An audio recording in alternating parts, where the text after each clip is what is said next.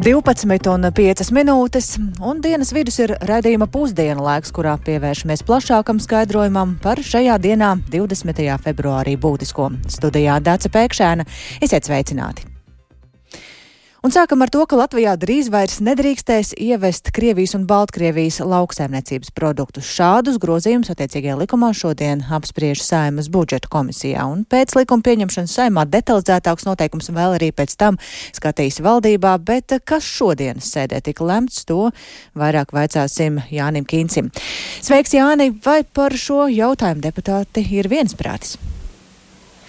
Sveicināti! Par jautājumu pēc būtības ir vienas prātis, atšķiras nedaudz arī tās lietas un pie, teikt, piegājiens šī jautājuma risināšanai. Tātad zemkopības ministrijas vadībā sagatavotais un komisijā virzītais likumprojekts skatāms kā alternatīvs un juridiski piemērotāks risinājums par jau ātrāk sagatavotajiem Nacionālās apvienības frakcijas deputātu virzītajiem likuma grozījumiem. Tas nozīmē, ka saima pirmo likumprojektu visticamāk noraidīs un apstiprināšanai virzīs šodien eh, plašāk apspriesto zemkopības ministrijas piedāvāto. Un ko tad tas paredz?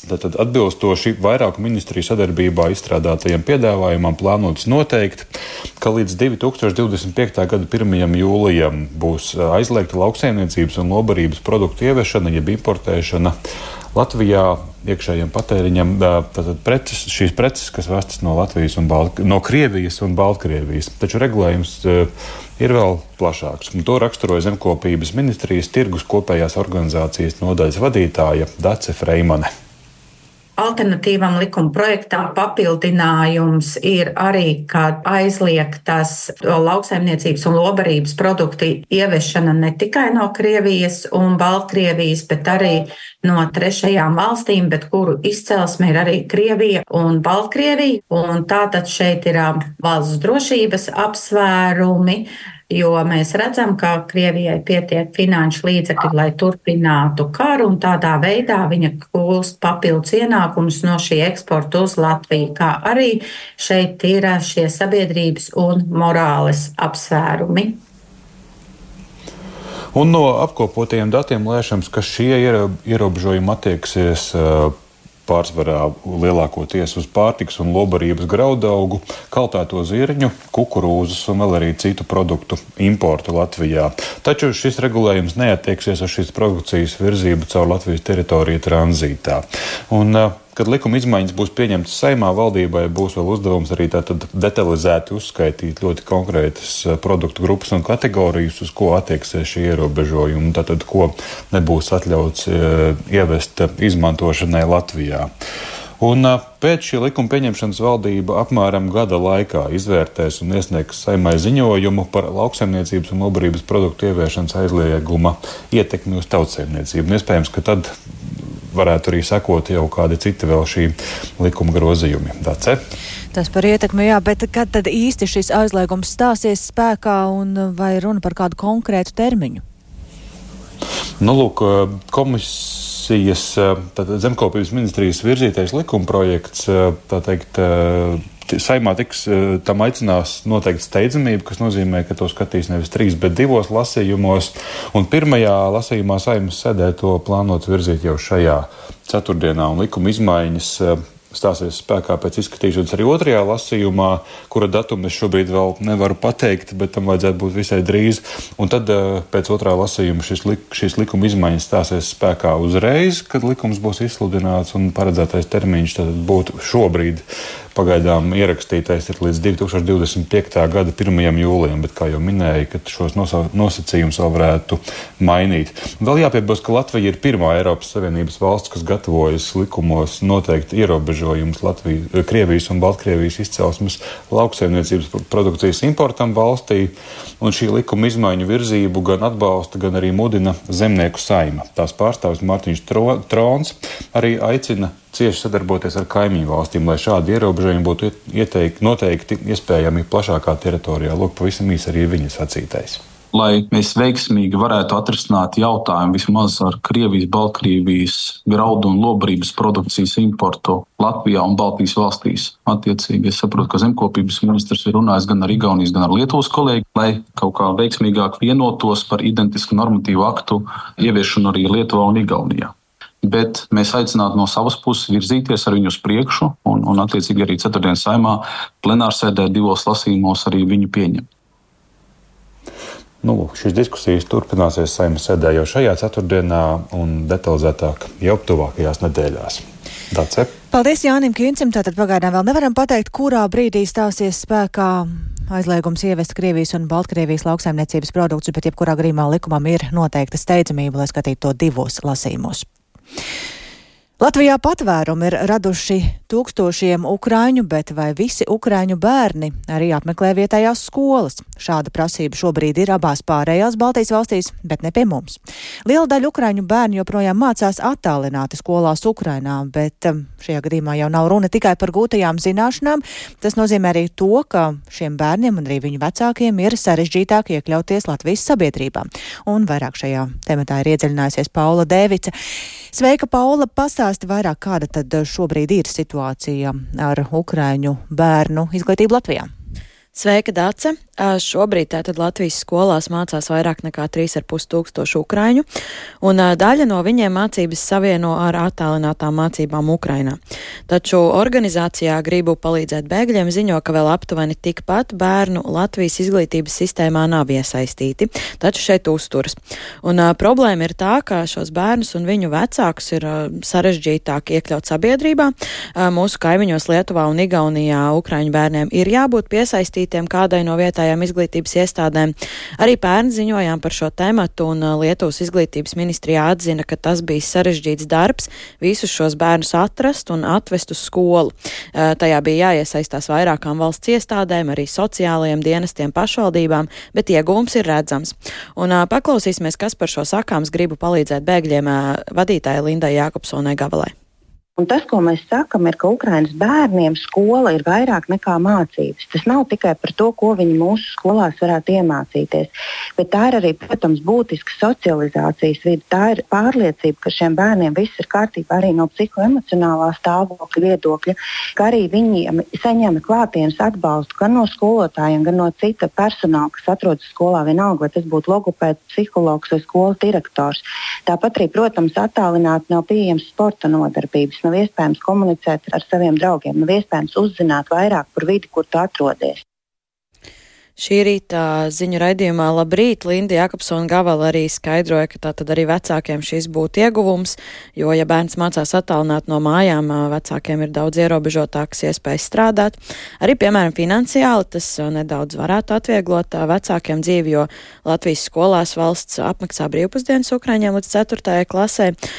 Turklāt dati rāda, ka Latvijā Ukraiņas bēgļu nodarbinātība ir zemākā līmenī nekā kaimiņos Lietuvā un Igaunijā ir nodarbināta aptuveni 70%. 10% ukraiņu, bet Latvijā uz pusi mazāk.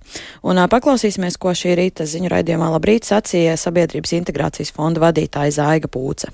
Ukraiņiem, kas Latvijā ir nonākuši, nodarbinātība kopumā ir zemākā līmenī nekā kaimiņos, tā skaitā Polija. Un, nu, mēs šobrīd runājam gan ar darba devējiem, gan arī ar nodarbinātības valsts aģentūru par šiem iemesliem, kas tad tas varētu būt. Un kā viens no tiem, ko mēs kā pirmo esam diagnosticējuši, ir tas, ka, ja lielākā daļa no Ukraiņas civiliedzīvotājiem, kas ir Latvijā, ir sievietes un bērni atrodas mājās, viņi nav izglītības iestādē, tad visticamāk arī ir ļoti grūti atrast darbu. Jā, tā tad arī integrācijas fondā uzsver, ka ir svarīgi šos bērnus piesaistīt mūsu skolām. Nu, te jau pati pieminēja, ka ne pirmo reizi par šo lietu runājam. Arī pērn ziņojām, ka izglītības ministrija neplāno to noteikt kā obligātu prasību. Tagad ir pagājis laiks. Ir kaut kas mainījies?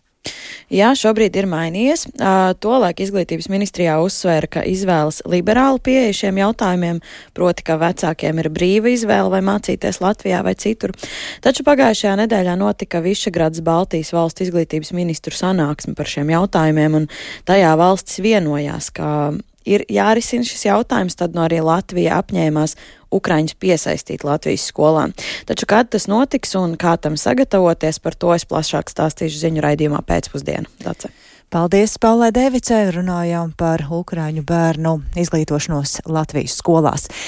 Bet šonadēļ aprit ne tikai divi gadi kopš Krievijas pilna mēroga iebrukuma Ukrainā. Ukraiņi nereti mēdz atgādināt citiem to, ka karš patiesībā ilgst jau desmit gadu, jo 2014. gada februārī pirmo reizi uzzinājām par mazajiem zaļajiem vīriņiem un vērojām notikumus Ukrainas austrumos un Krimā. Par to vairāk izstāstīs Rihards Plūme. Sveiks, Rihard! Varbūt sākumā ieskicē nedaudz to, kādi ir bijuši šie desmit gadi Ukrainā.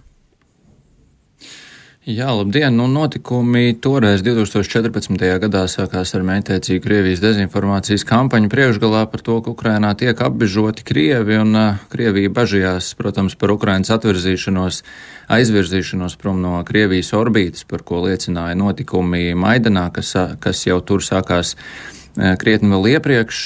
Nu, līdz ar to Ukrainas austrumos 2014. gadā sāk parādīties tā dēvētie zaļie cilvēciņi. Tie bija vīri formas tērpos bez atpazīšanas zīmēm, taču daudziem bija skaidrs, ka tā ir Krievijas armija. Un Krievijas militārā operācija, lai anektētu Krimu, sākusies tieši 20. februārī, ko nenoliedz arī pati Krievija, šo datumu iegravējot uz arī medaļām, un pēc operācijas sākuma Krievijas karavīri jau mēnešu laikā bez Asins izliešanas sagrāba svarīgākos civilos un militāros objektus un piespiedu padoties Ukrainas armijas karavīrus. Un pēc šīs februāra operācijas beigām un okupācijas martā jau Krima tika oficiāli arī anektēta. Pēc tam jau atceramies, kā Putins vairāk kārt noliedz, ka Krievijas armija būtu Ukrainā, taču gadu vēlāk pēkšņi atzinās, jā, Krievijas armijas klātesamība Krimā ir un drīz vien tika pārņemta pēc tam arī daļa Ukrainas austrumu, sagrābjot valsts iestāžu milicijas nodaļā ēkas, arī citus strateģiskos objektus. Tika nodibinātas šīs tā dēvētās Donetskas un Luhānskas tautas republikas. Nu, no lielākajām kaujām toreiz varam pieminēt, piemēram, kaujas par Donetskas lidostu, tāpat arī smagi gāja pie Mariupolis, kas tomēr tika noturēta.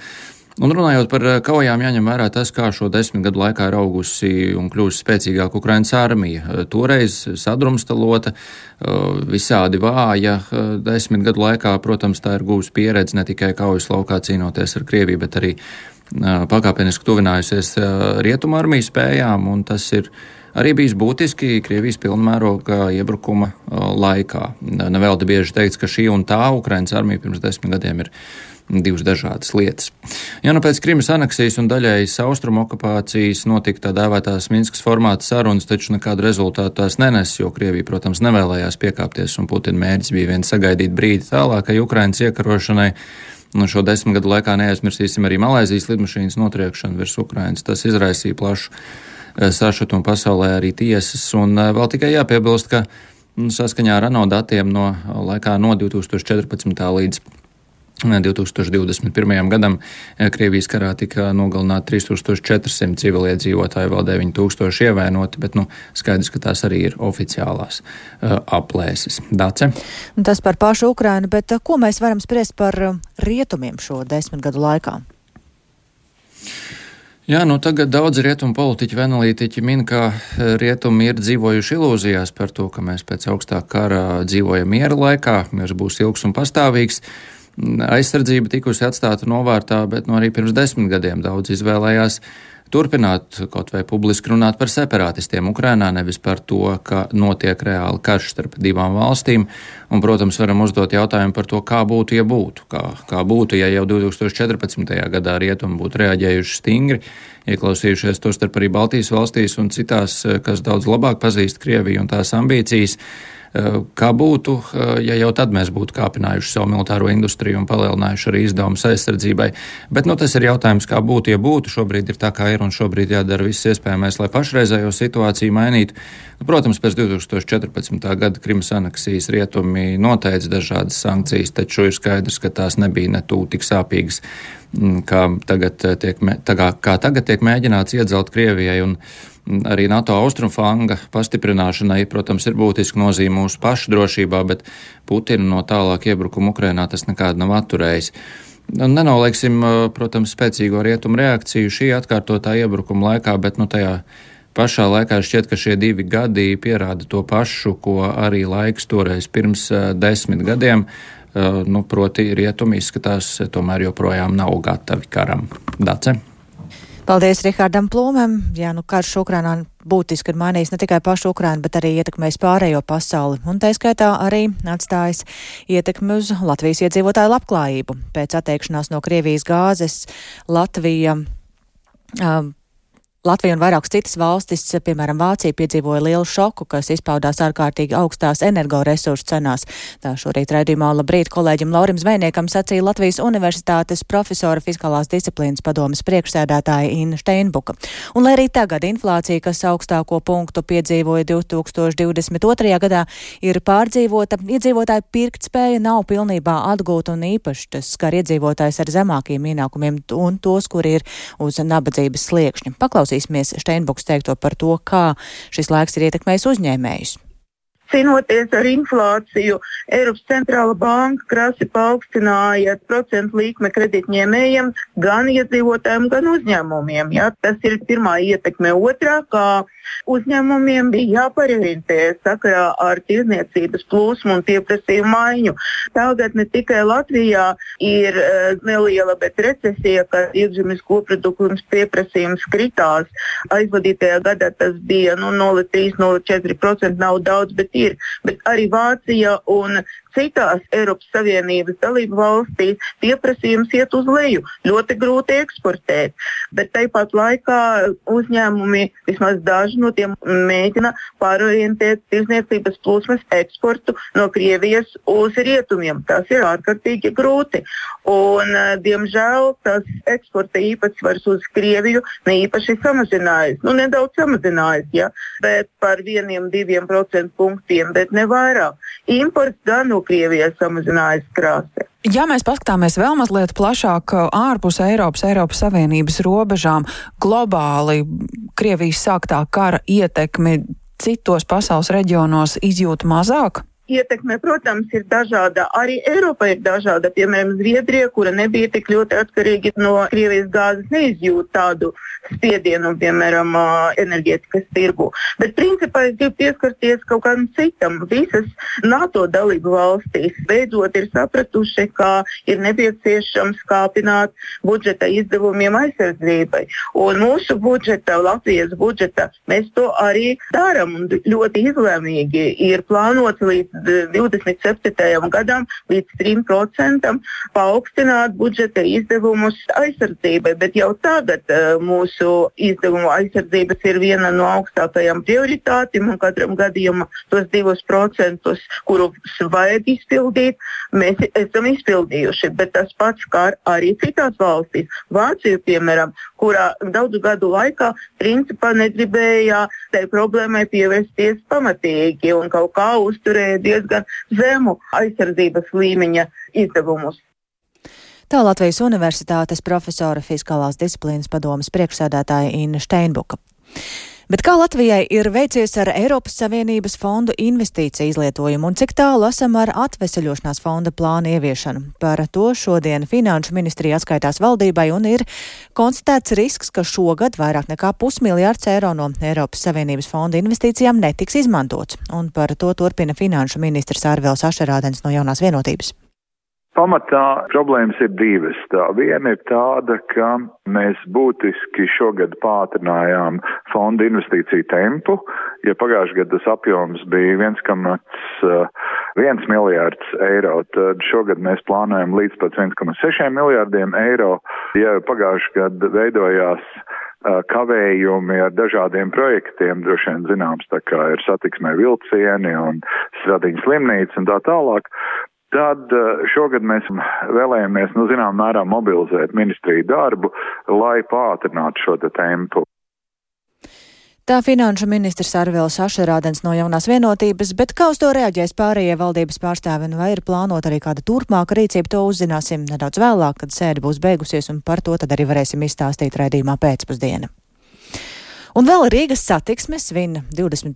dzimšanas dienu un mainīs savu vizuālo identitāti. Tā šodien paziņoja uzņēmuma vadība un vienlaikus arī nāca klajā ar vairākiem jaunumiem saistībā ar tramvaju kustību Rīgā. Proti, beidzot ir pabeigta piektā tramvaju līnijas pārbūve, bet septītā tramvaju līnijā to pabeigs dažu mēnešu laikā un šo līniju arī plānots pagarināt. Tas savukārt nozīmē, ka uz Iļģu ciemu un ķengaragu varēs palaist zemās grīdas tramvajus. Rīgas satiksmes aktualitātēm šodien šodien seko līdzi kolēģis Viktors Demidovs. Sveiks, Viktor! Saki, tad kurā brīdī uz Ilģuciem un ķengaragu varēs sākt braukt komfortablāk?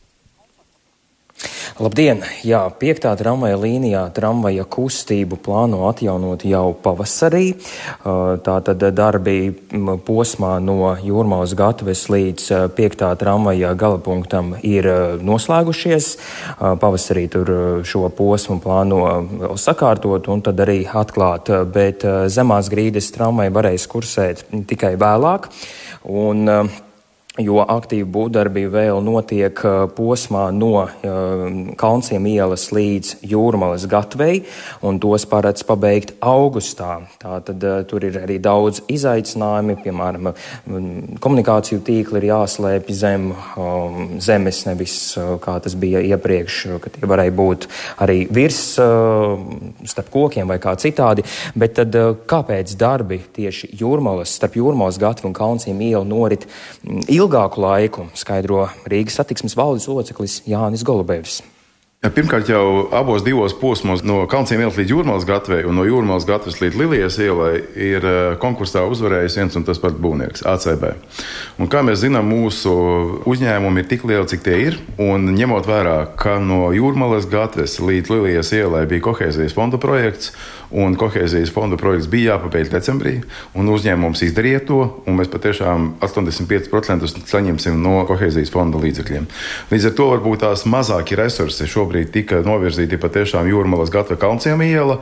Darbi notika, bet nu, krietni mazākos apmēros, un tikai tāpēc arī sabiedrība izpaudās.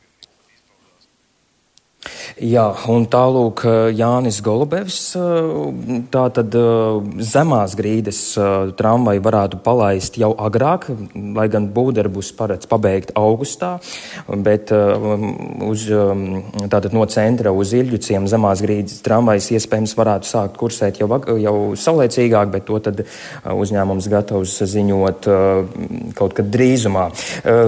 Projekta izmaksas nav mainījušās, ja runājam tieši par piektās līnijas līnijas um, posmu no jūrmālas gatavas līdz, uh, uh, līdz uh, galapunktam, savukārt no jūrmālas gatavas līdz Kalnciem ielai, kur būvdarbi, kā jau Jānis Golubevs stāstīja, rit lēnāk, tad tas posms izmaksās 7 miljonus eiro. Un, tā, tad, jā, pārsakot, 7 miljonu eiro. Tas ir tie darbi. Un eh, šogad arī, ja mēs pārceļamies uz otru Daugavas krastu, būvdarbus eh, sāks 7. tramvaja līnijā, pagarinot to eh, līdz Višķu ielai. Tos darbus paredz pabeigt 26. gadā. Un, ja par pašiem būvdarbiem, tad tā aktīvā fāze, nu, tā, tā pirmā slāpstas, teiksim, tā varētu parādīties gada otrajā pusē, rudenī.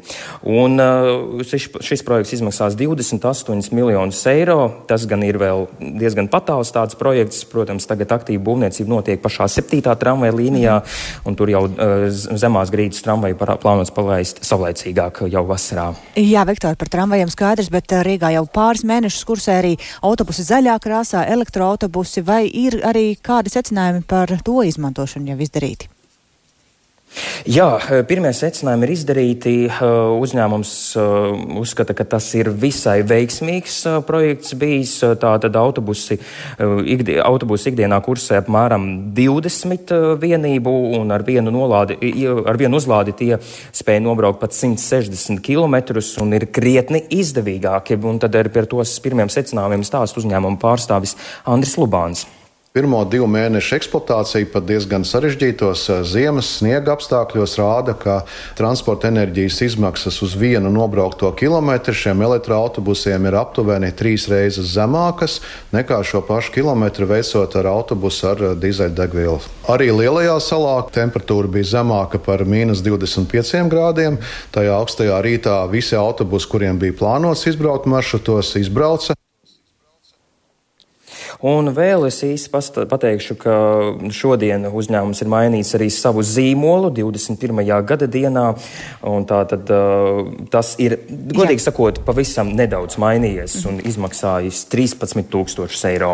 Paldies Viktoram Demīravam. Es gan precizēšu vizuālo identitāti. Uzņēmums ir mainījis un ar šo tad arī izskan raidījums pusdiena. To producēja Ilza Agīnta ierakstus montēja Uldas Grīnbergs par labskaņu rūpējās Ernests Valds Fjodorovs un ar jums sarunājās Dācis Pēkšēna. yeah.